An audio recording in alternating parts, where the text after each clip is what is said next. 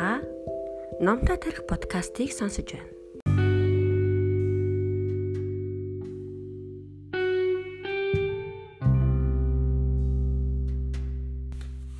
Алтан дээл Карнигийн номын 2 дугаар хэсгийн 2 дугаар бүлэг.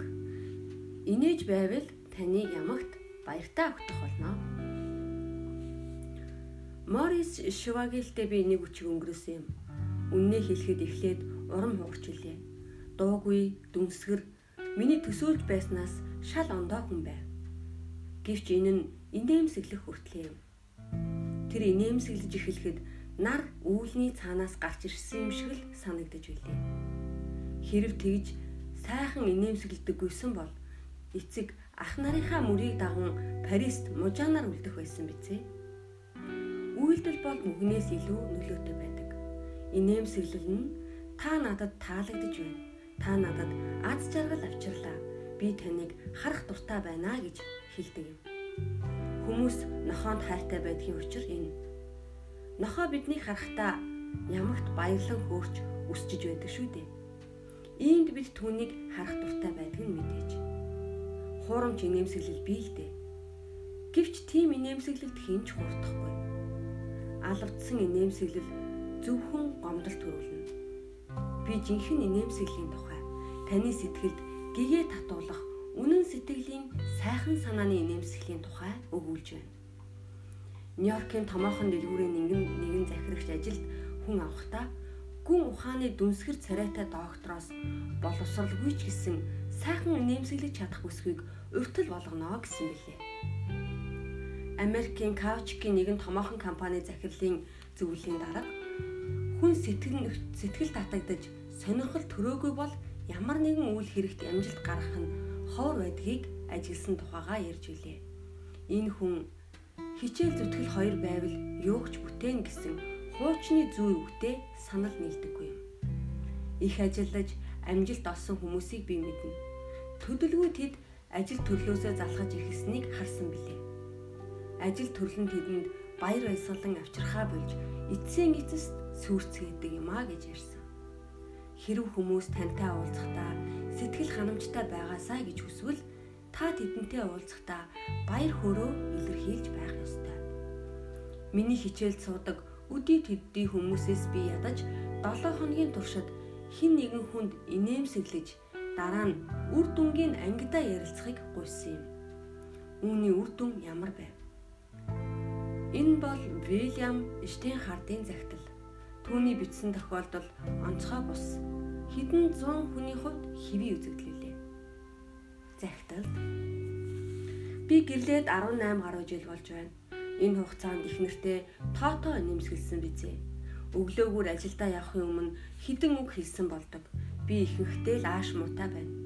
Таны аль болохоор нэмсгэлхийг оролдохыг хүссний дагуу 7 хоногийн туршид туршиж үзэхээр шийдлээ. Тантай ярьсныхаа маргааш өглөө үсээ самнаж байхдаа толинд өөрийнхөө уйтгартай царайг харж "Вил, чи өнөөдөр барах ёсгүй. Чи инээмсэглэх ёстой. Чи одоохон ингэх болно" гэж өөртөө хэллээ.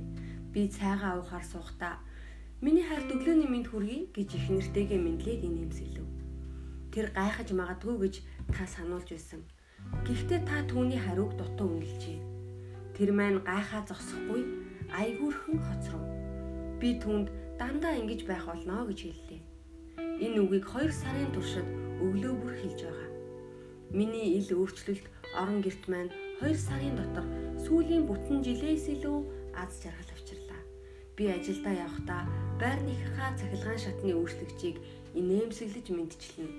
Би метроны тасалбарчнаас хариулт мөнгө авахтаа инээмсэглэнэ. Удалгүй би бүх хүн надад инээмсэглэж байгааг анзаарлаа. Надад гомдол гаргахаар ирж байгаа хүмүүсийг баяртаа өгтөнө Тэднийг сонсож байхдаа инээмсэглэнэ. Бүхэл учир зүйлээ амархан олно. Инээмсэглэл надад доллар авчирч байгааг би ойлгов. Би тэрчлэн хүмүүсийг шүүмжлэхээс татгалзахаар шийдсэн.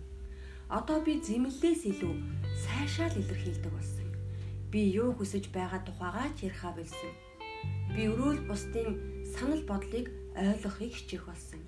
Энэ бүхэн миний амьдралыг үндсээр нь өөрчилж би одоо арай илүү аз жаргалтай, арай илүү баян өөр хүн болсон. Баян гэдэг нь нөхөрлөл аз жаргалын утгаараа юм шүү.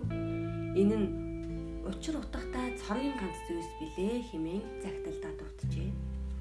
Энэхүү захиаг Виржин туршлагатай зуучлагч ам зуух нарийн ухаантай хувьцаа худалдан авч буцаан зарж мөнгө олдог хүн бичсэн гэдгийг санацгаагаарай. Энэ ажил хичнээн төвөгтэй үүнийг эрхлэх гэж оролцсон 100 хүний 99 нь амжилт олдоггүйг та юуйс андах вүлээ. Хэрв та инээмсэглэх хүсэл төрөхгүй байвал яах вэ? Энэ тохиолдолд ер нь яах хэрэгтэй вэ? Юуны өмнө инээмсэглэхийг оролдоод үз. Та ганцаараа байгаа бол ямар нэгэн аялгау аялах юм уу эсгэрч болно. Аз жаргалтай байгаа юм шиг загнаад үз. Та өөрийгөө үнэхээр аз жаргалтайг мэдрэх болно. Хүн бүрл аз жаргал тэмүүлдэг. Гэвч энэ аз жаргалыг олох найдвартай ганц л арга бий. Энэ нь өөрийнхөө санаа бодлыг хянах явдал юм. Аз жаргал гадны нөхцлөөс шалтгааллахгүй. Тэрээр таны сэтгэл санааны байдлаас хамаарх хагаад таны аз жаргал аль эсвэл азгүй явдал танд байн болон таны эрхэлж байгаа зүйлээр бус харин та альва хүчин зүйлийг хэрхэн үнэлж байгаагаар тодорхойлогдно. Жишээ нь хоёр хүн ажил хийж адил хэмжээний мөнгө авч нийгэмд нэг байр суурь эзэлж байвч тэдний нэг нь өөрийгөө аз жаргалгүйд нөгөө нь аз жаргалтай тооцох болно. Яагаад вэ?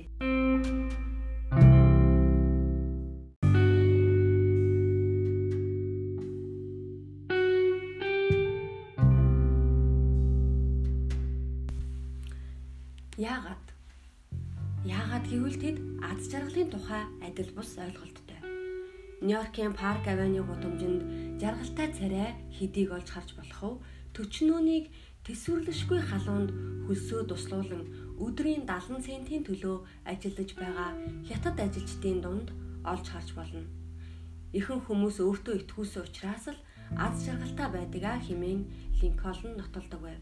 Түүний ч зөв юм. Энэ хөвгүүдийн өмнө малгайгаа амаар санагдсан.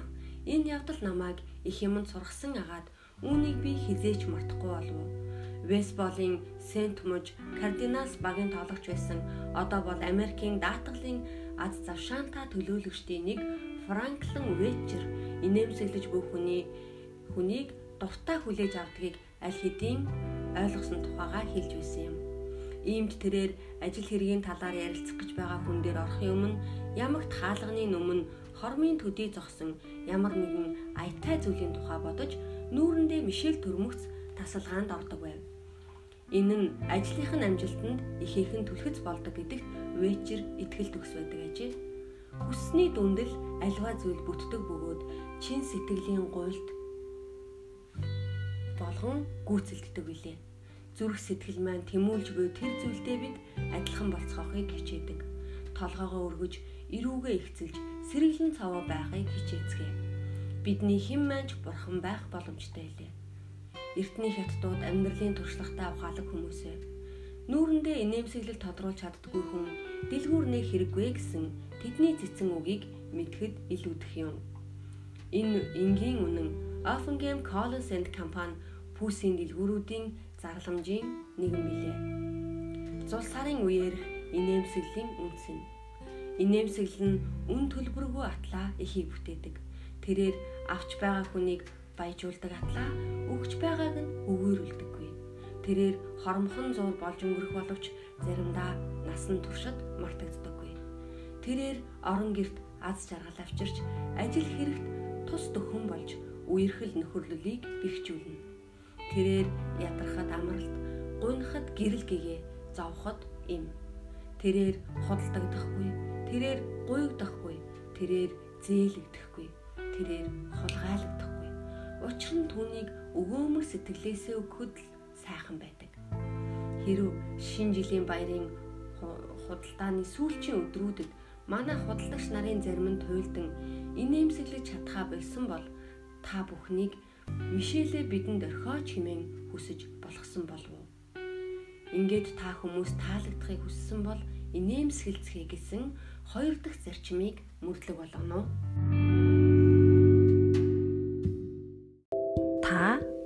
Номтой тарих подкастыг сонсож байна.